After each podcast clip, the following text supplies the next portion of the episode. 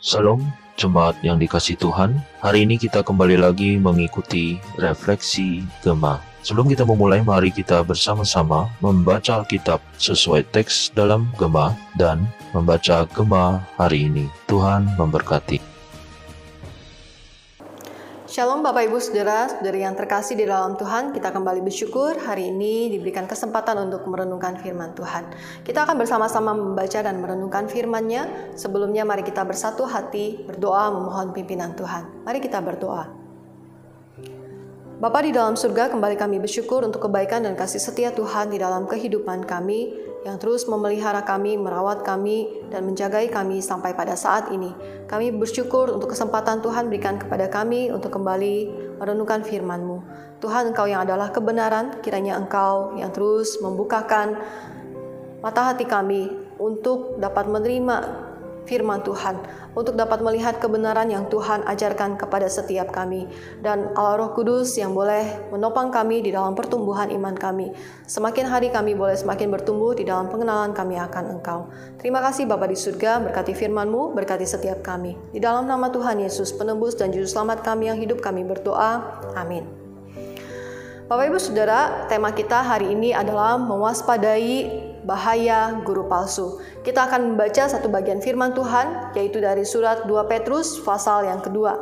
Bapak Ibu Saudara bisa menyiapkan waktu secara pribadi untuk membaca keseluruhan pasal ini, dan saya akan membacakan ayat 1 hingga ayat yang ketiga sebagai fokus renungan kita pada hari ini. Demikian bunyi firman Tuhan. Sebagaimana dami-dami palsu dahulu tampil di tengah-tengah umat Allah, demikian pula di antara kamu akan ada guru-guru palsu. Mereka akan memasukkan pengajaran-pengajaran sesat yang membinasakan. Bahkan mereka akan menyangkal penguasa yang telah menebus mereka.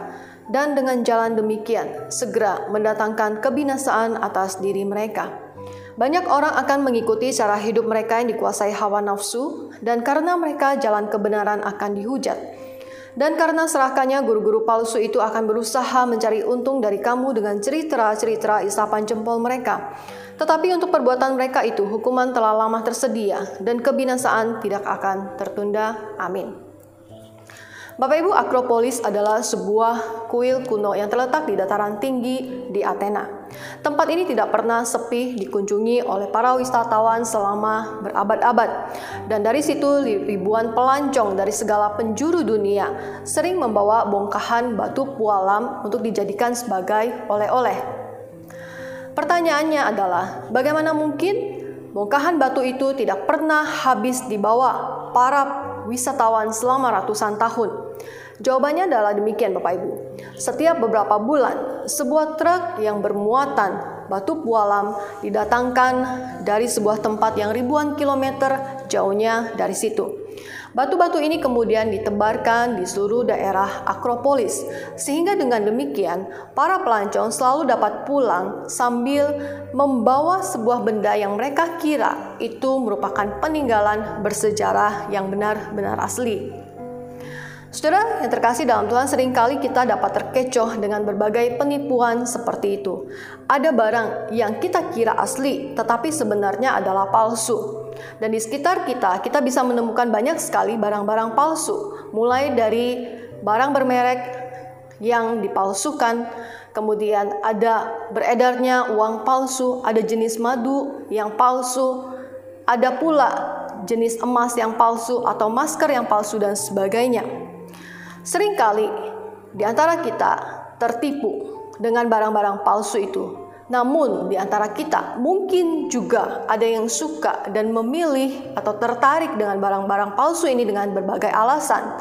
Bagi para penyedia barang, mungkin mereka akan menyediakan barang palsu karena produksi yang lebih mudah dengan harga yang lebih murah dan ekonomis. Demikian juga dengan para konsumen yang memilih untuk menggunakan barang palsu karena lebih mudah dinikmati, lebih mudah didapatkan dengan harga yang lebih ekonomis.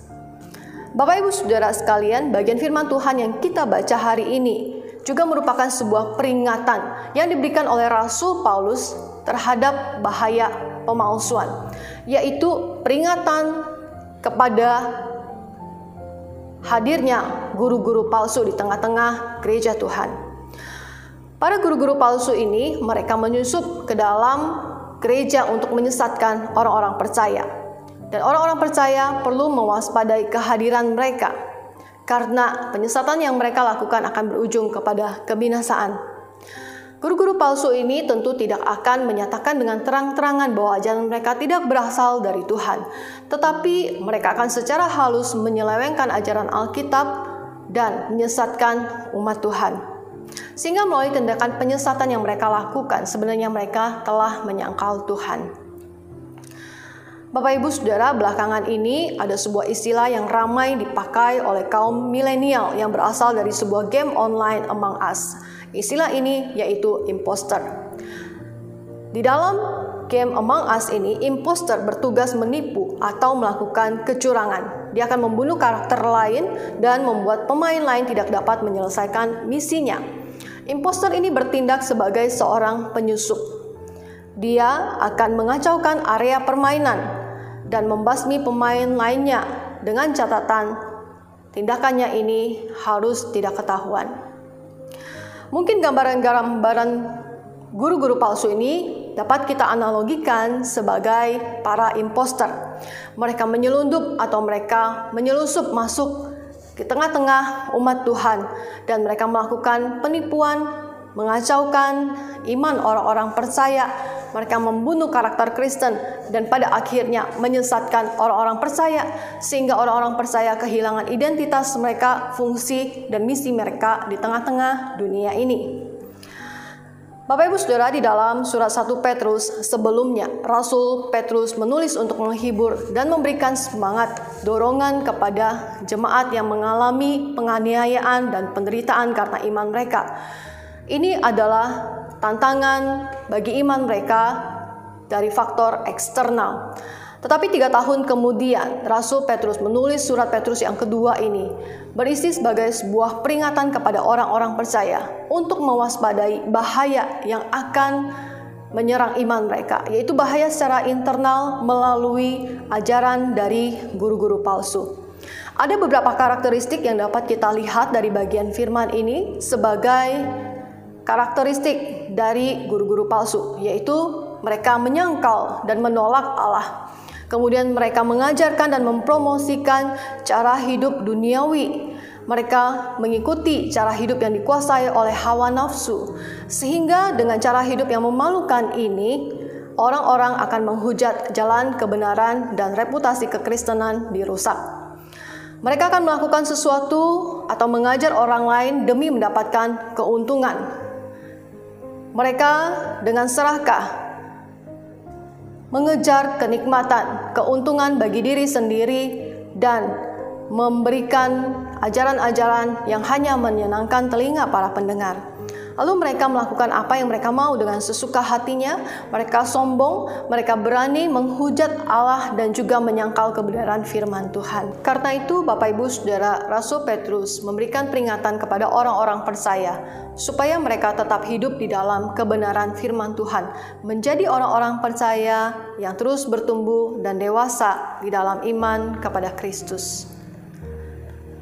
Sebagai orang-orang percaya, mereka harus berani menolak segala sesuatu ajaran yang mendistorsi kebenaran firman Tuhan. Dengan demikian, maka orang-orang percaya akan menjadi pribadi-pribadi yang menghormati Kristus dan kebenarannya, serta bertumbuh menjadi gereja yang akan memuliakan namanya. Bagaimana sikap kita terhadap peringatan yang diberikan firman Tuhan pada hari ini? Biarlah kita juga mau menjadi pribadi yang terus bertumbuh di dalam Tuhan dapat membedakan ajaran yang palsu dan ajaran yang benar, pengajar yang palsu dan pengajar yang benar.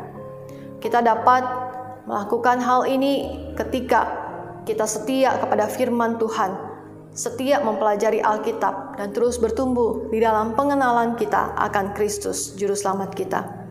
Di tengah-tengah dunia ini dipenuhi dengan berbagai kepalsuan, mari kita kembali melihat kepada Tuhan sebagai kebenaran kita di tengah-tengah ajaran dunia yang menyesatkan, ajaran-ajaran yang palsu. Mari kita kembali kepada firman Tuhan yang mengajarkan ajaran yang benar.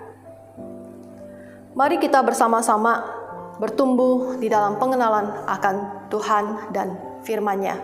Sama-sama kita mengawasi pengajaran kita karena Tuhan memandang serius para penyesat yang telah menyesatkan umatnya dan dia akan memberikan hukuman kepada mereka. Kiranya Tuhan menolong setiap kita, memberkati setiap Bapak Ibu, Saudara-saudari sekalian. Mari kita ambil waktu berdoa secara pribadi.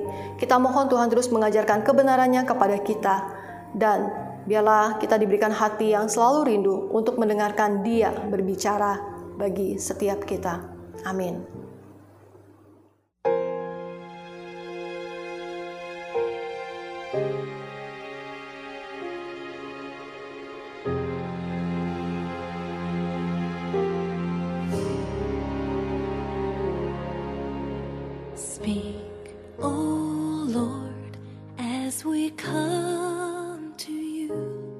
to